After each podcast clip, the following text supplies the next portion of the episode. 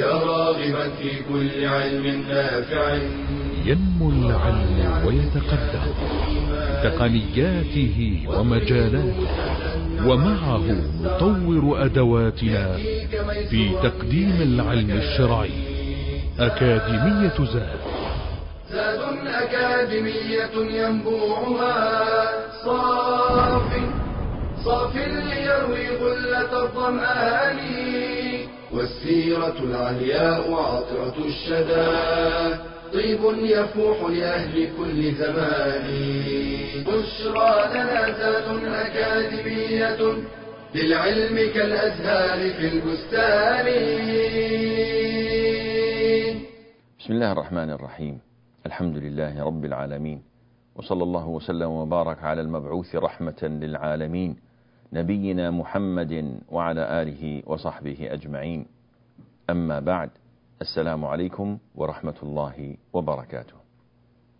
تحدثنا في الدرس الماضي عن ضحك النبي صلى الله عليه وآله وسلم ونكمل في هذا الدرس نماذج من ضحكه عليه الصلاة والسلام مع أصحابه ومع بعض المواقف في السيرة النبوية المطهرة.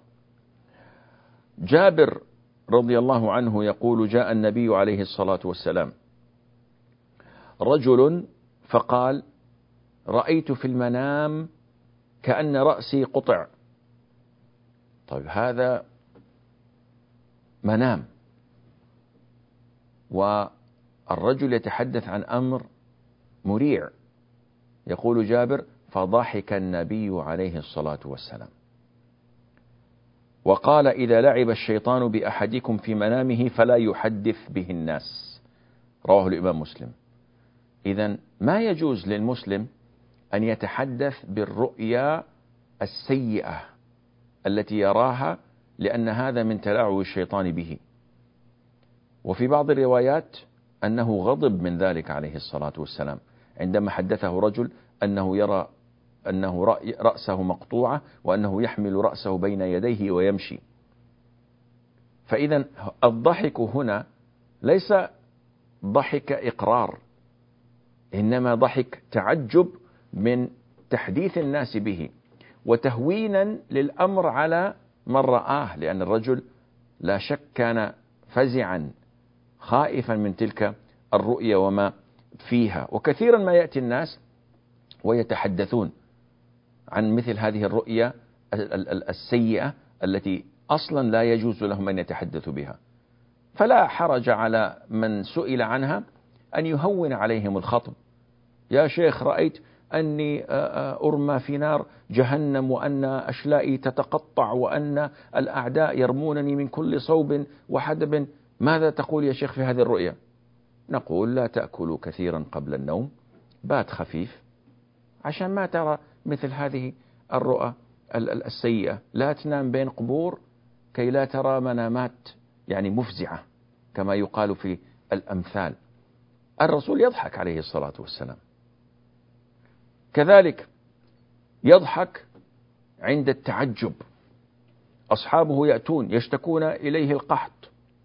يواعدهم في المصلى فيخرج فيصلي صلاة الاستسقاء التي نعرفها ويدعو الله عز وجل يعطيهم ظهره ويستقبل القبلة يحول رداءه كذا كذا وإذ بالسماء تمتلي بالغيوم وتمطر وتسيل السيول.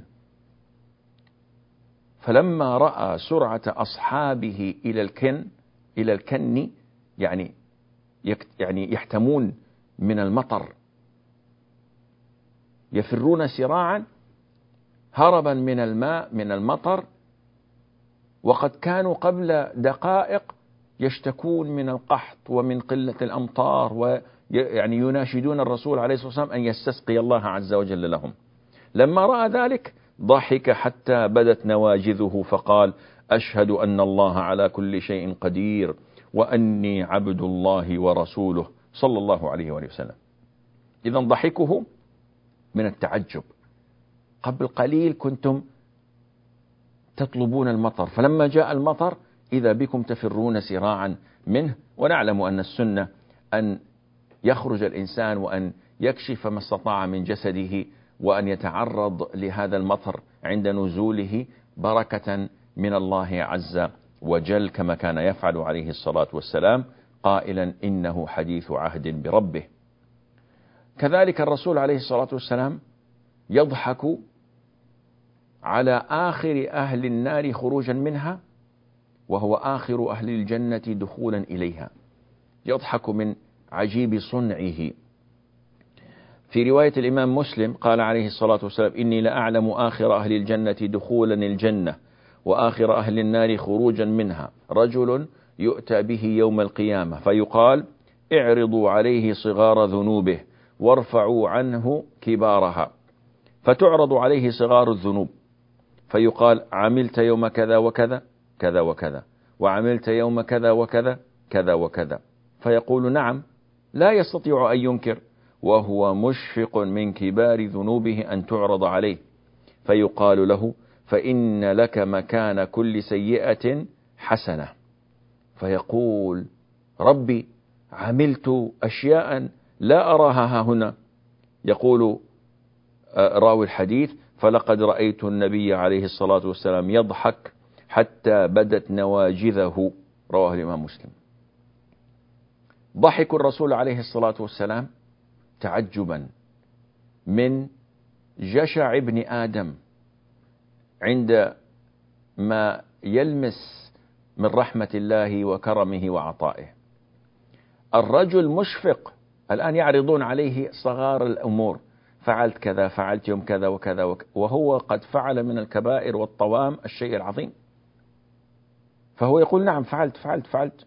فلما يسمع البشارة بأن له بكل سيئة حسنة الآن طمع. وهذا الرجل هو ذاته الذي يناشد الله عز وجل أن يخرجه من النار. فلما خرج وهو آخر أهل النار خروجا منها من من المسلمين من الموحدين وإلا فالمشركون فيها قابعون والمنافقون والكفار. لما خرج ينظر وراءه ويحمد الله الذي نجاه منها.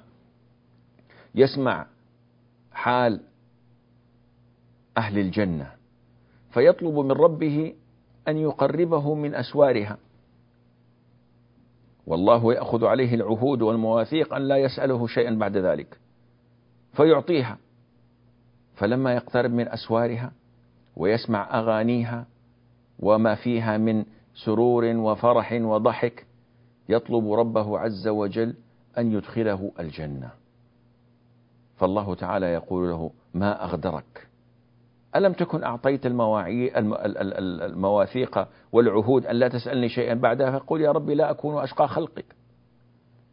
فيقول له الرب عز وجل أيسرك أن يكون لك مثل ملكي أغنى رجل في الجنة؟ فالرجل يقول نعم. وفي رواية أتستهزئ بي أو تهزأ بي؟ فيقول الله عز وجل وهو أكرم الأكرمين فإن لك ذلك ومثله معه ومثله معه إلى عشرة أضعاف. يضحك الله عز وجل ويضحك رسولنا عليه الصلاة والسلام لضحك ربنا عز وجل. هذا الضحك يدلك على رحمة يدلك على مغفرة من الله عز وجل ولن نعدم خيرا من رب يضحك. وأنعم بها وأكرم من ديانة رسولها عليه الصلاة والسلام يضحك ويشيع جوا من التفاؤل بين المنتسبين إلى هذا الدين. جرير بن عبد الله رضي الله عنه وأرضاه يقول ما حجبني النبي صلى الله عليه وآله وسلم منذ أسلمت ولا رآني إلا تبسم في وجهي. هذا حال النبي عليه الصلاة والسلام مع من أسلم حديثا من أصحابه فكيف بمن أسلم قديما؟ هذا حاله رضي الله عنه وأرضاه مع النبي عليه الصلاة والسلام أنه كان دائم التبسم في وجهه. فاصل قصير وبعدها نواصل بإذن الله فانتظرونا. بشرى لنا أكاديمية للعلم كالأزهار في البستان.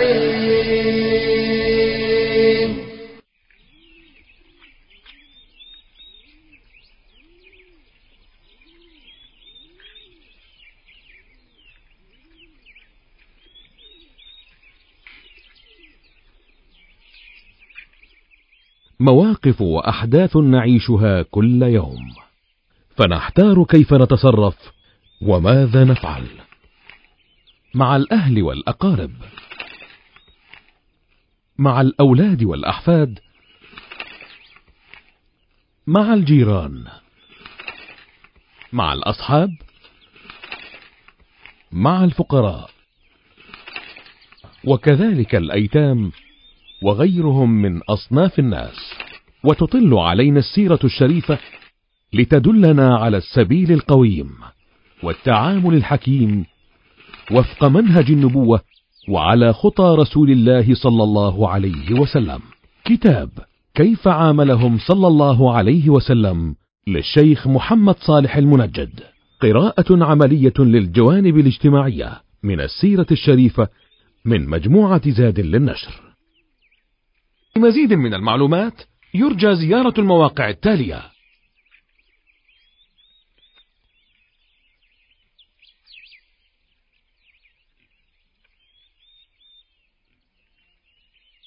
بشرى لنا أكاديمية للعلم كالأزهار في البستان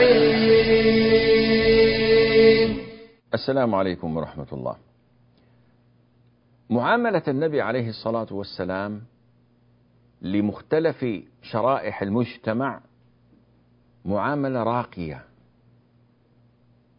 وما بعث عليه الصلاة والسلام إلا رحمة للعالمين. كيف هي أحوالنا مع من يخدمون من يعملون لنا هل هي معاملة العبودية والاستذلال أم معاملة الاحترام وتقدير والرحمة والعطف. فإن كلفتموهم ما لا يطيقون فأعينوهم. هذا كلامه عليه الصلاة والسلام عند الوصاية بالعبيد الذين يباعون ويشترون. قال فإن كلفتموهم بما لا يطيقون فأعينوهم. فكيف بمن يعمل تحت أيدينا من الأحرار؟ أليسوا أولى بالإعانة وبالرحمة وهم أحرار؟ أنس رضي الله عنه وأرضاه خدم النبي عليه الصلاة والسلام عشر سنين. أتاه وهو طفل أمه أم سليم أتت به ليخدم النبي عليه الصلاة والسلام وهو طفل. فخدمه عشر سنين.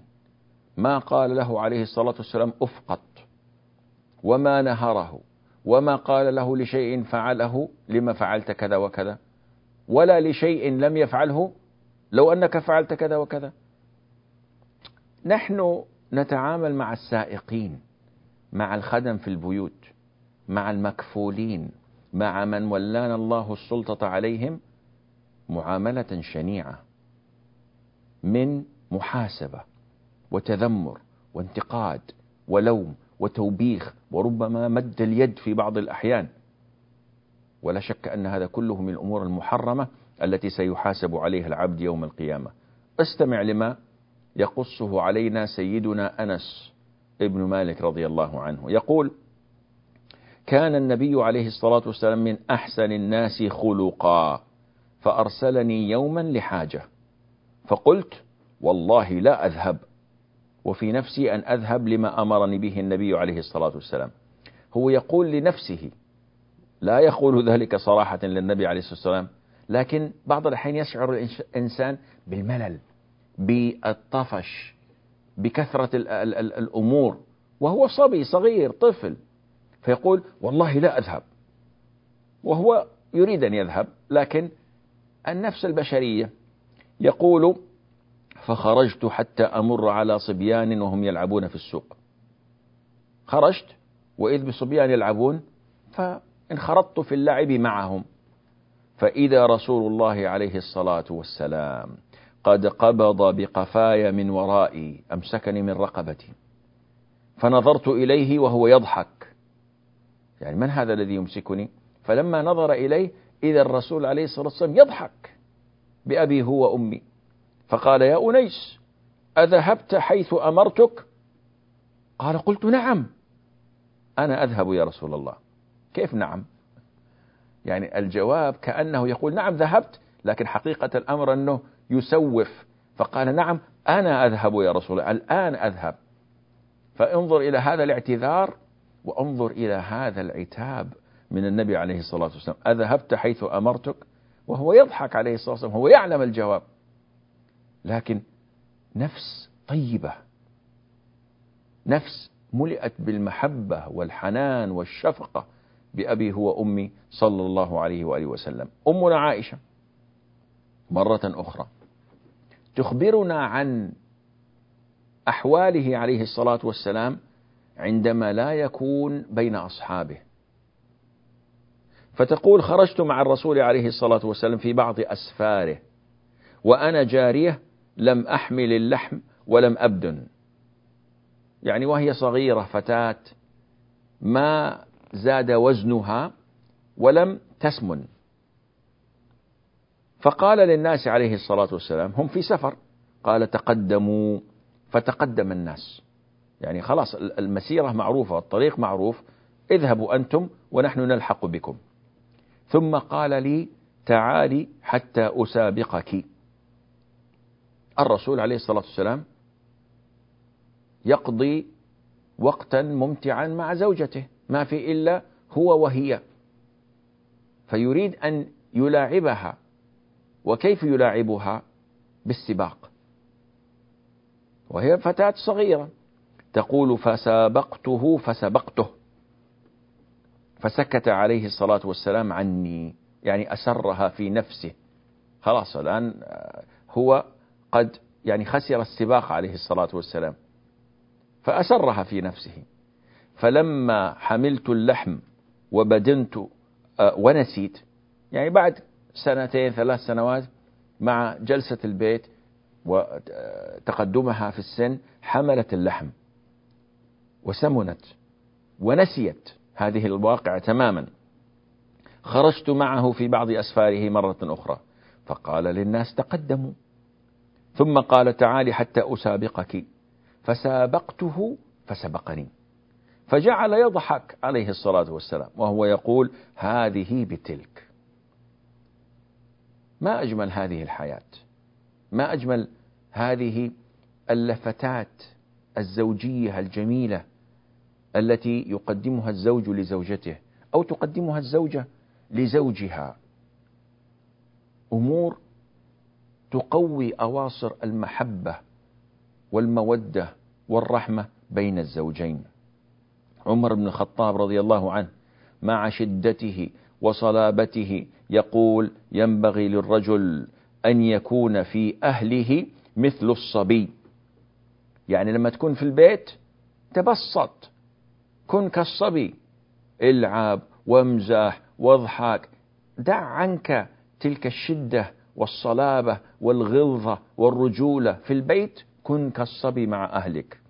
يقول فإذا التمس ما عنده وجد رجلا. وقت وقت الحاجة إذا التمس ما عنده لا هذا رجال. رجل في مواقفه في كلامه في أحواله. لكن في البيت مع الزوجة لا بد أن يكون متبسطا كالصبي. وكان زيد بن ثابت رضي الله عنه من أفكه الناس في بيته فإذا خرج كان رجلا من الرجال مع الزوجة يضحك ويتبسط. ووصفت أعرابية زوجها وقد مات فقالت والله لقد كان ضحوكا إذا ولج سكيتا إذا خرج في البيت ضحوك يلعب إذا خرج لا عليه سمت الوقار. تقول آكلا ما وجد غير سائل عما فقد. إذا وضع الطعام أكل وإذا لم يوضع الطعام أو فقد شيئا لم يسأل. فين هذا؟ فين ذلك؟ ويحقق كما يفعل البعض. هذه هي حال أصحاب النبي عليه الصلاة والسلام التي تعلموها منه بأبي هو وأمي. قصة من القصص تتعلم منها الشيء الكثير من الفوائد. أسأل الله عز وجل أن ينفعني وإياكم بها. فاصل قصير وبعدها نواصل بإذن الله. فانتظرونا. بشرى لنا أكاديمية للعلم كالأزهار في البستان.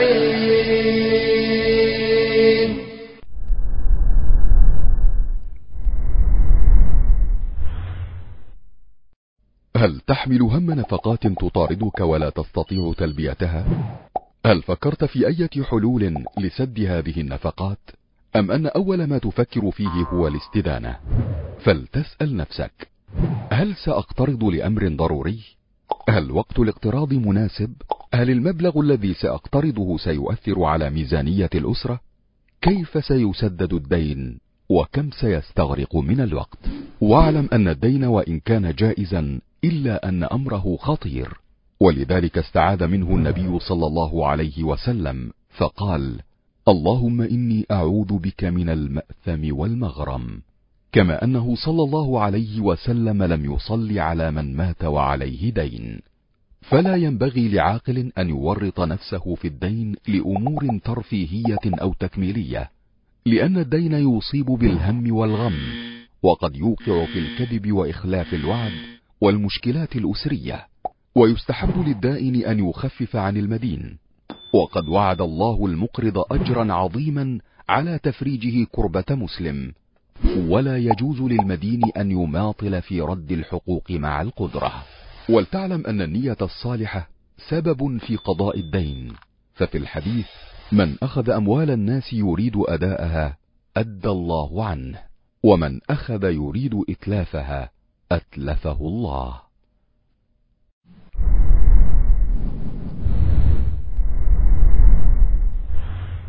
بشرى لنا أكاديمية للعلم كالأزهار في البستان. السلام عليكم ورحمة الله وبركاته. النبي عليه الصلاة والسلام قد يضحك مداعبة لزوجاته مؤانسة منه لهن قد يضحك إقرارا بما يرى أو تعجبا مما يرى أو تصديقا لما يسمع. فمن ذلك عن سعد بن أبي وقاص رضي الله عنه قال استأذن عمر رضي الله عنه على رسول الله عليه الصلاة والسلام وعند النبي نسوة من قريش يسألنه ويستكثرنه عالية أصواتهن على صوته. فلما استأذن عمر وسمعن صوته تبادرن الحجاب. ذهبوا إلى الغرفة يختبئن منه. فأذن له الرسول عليه الصلاة والسلام. فدخل فوجد النبي عليه الصلاة والسلام يضحك. فقال أضحك الله سنك يا رسول الله بأبي أنت وأمي. يعني أنا دخلت عليك وأنت تضحك فنسأل الله أن يجعل أيامك كلها يعني فرح وسرور وضحك. يسأل ما السبب؟ فقال عليه الصلاة والسلام عجبت من هؤلاء اللاتي كن عندي لما سمعن صوتك تبادرن الحجاب. وهذا الشاهد. فالنبي عليه الصلاة والسلام يضحك من حال النسوة. أنتم عند خير خلق الله عليه الصلاة والسلام يرتفع ترتفع أصواتكن على صوته وتستكثرن من السؤال والإلحاح. وعندما تسمعن صوت عمر تفعلن ذلك يضحك عليه الصلاة والسلام. وعندما لام عمر النساء وقال يا عدوات أنفسهن أتهبنني ولم تهبن رسول الله صلى الله عليه وسلم؟ ولم تهبن رسول الله عليه الصلاة والسلام؟ فقلنا إنك أفظ وأغلظ. فقال عليه الصلاة والسلام يا ابن الخطاب والذي نفسي بيده ما لقيك الشيطان سالكا فجا إلا سلك فجا غير فجك. رواه البخاري ومسلم رضي الله عن أبي بكر وعمر ولعن الله من نالهما بسوء. كذلك يضحك عليه الصلاة والسلام تعجبا من أمور معينة. صحابي ظاهر من زوجته. والظهار هو أن يقول الرجل لامرأته أنت علي كظهر أمي. يحرمها على نفسه. وهذا مذكور في سورة المجادلة. فالرجل ظاهر من أهله فغشيها قبل أن يكفر. وقع عليها قبل أن يكفر كفارة الظهار عتق رقبة أو صيام شهرين متتابعين أو إطعام ستين مسكينة ليس على التخيير بل على الترتيب. فجاء إلى النبي عليه الصلاة والسلام فذكر له ذلك يعني يستفتيه. أنا صار عندي مشكلة الآن. فقال ما حملك على ذلك؟ أن تعلم أنه يجب عليك أن تكفر. ما الذي دعاك إلى أن تقع على امرأتك وأنت لم تكفر بعد؟ فقال يا رسول الله رأيت بياض ساقها في ضوء القمر فلم أملك نفسي أن وقعت عليها. هذا عذر. الرجل اعتذر بالحقيقة. قال والله ما قدرت أمسك نفسي يا رسول الله. رأيت كذا وكذا بس وحصل الذي حصل. فضحك عليه الصلاة والسلام وأمره ألا يقربها حتى يكفر. المفتي إذا استفتي عن أمر وكان هذا الأمر فيه تجاوز أو معصية يا أخي لا تدخل البني آدم النار. هو يستفتيك يطلب منك الفتوى. أعطه الفتوى وإن كان في الأمر سعة لا حرج أن تضحك. تبين له. لكن يأتيك واحد يقول يا شيخ فعلت كذا وكذا. أعوذ بالله. فعلت كذا؟ لا إله إلا الله. نار جهنم يلقى منها حجر لا يصل قعرها إلا بعد سبعين خريفا. طيب هون عليك يا شيخ. الرجل يستفتيك. نعم أعطه النصيحة عظه ذكره بالله لا تقنطه من رحمة الله عز وجل. انظر إلى الرسول عليه الصلاة والسلام. رجل يظاهر تجب عليه الكفارة. ما كفر؟ هذا خطأ أنت عصيت الله عز وجل لأن الله عز وجل قال من قبل أن يتماس. ما ما تستطيع أن ترجع لها حتى تكفر. حصل منه الخطأ ووقع على امرأته. هل نضاعف عليه العقوبة؟ هل نلزمه بأن يعتق رقبتين عوضا عن رقبة واحدة؟ أبدا. فعلت ذنبا استغفر الله تب إلى الله لا تعد. والكفارة كما هي وأمره أن يكفر. مرحلة أو مسألة أخرى. ذاك مثلا الذي أتى النبي عليه الصلاة والسلام. خائفا وجلا أحس أنه قد هلك. فقال هلكت يا رسول الله. ما ذاك؟ قال وقعت على أهلي في رمضان. أوه هذه أكبر المفطرات ومن أكبر الذنوب. كيف تقع على أهلك في رمضان وأنت صائم؟ فأمره عليه الصلاة والسلام أعتق رقبة. قال ليس لي. رجل خايف. قال صم شهرين متتابعين. قال لا أستطيع. قال أطعم الستين مسكينة قال لا أجد. فأتي عليه الصلاة والسلام بعد فترة بجذع فيه تمر. عرق فيه تمر مكتل كبير. فقال عليه الصلاة والسلام أين السائل؟ قال أنا يا رسول الله. قال تصدق بهذا. فقال على أفقر مني؟ فوالله ما بين لابتيها أهل بيت أفقر منا. فضحك عليه الصلاة والسلام.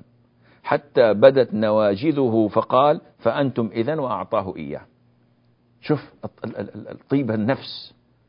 رجل فعل محرما يوجب عليه الكفارة المغلظة ومع وأتاه خائفا وجلا وخرج من عنده مسرورا جذلا. أعطاه طعام وهو من الفقراء ويضحك عليه الصلاة والسلام. كذلك حبر من أحبار اليهود.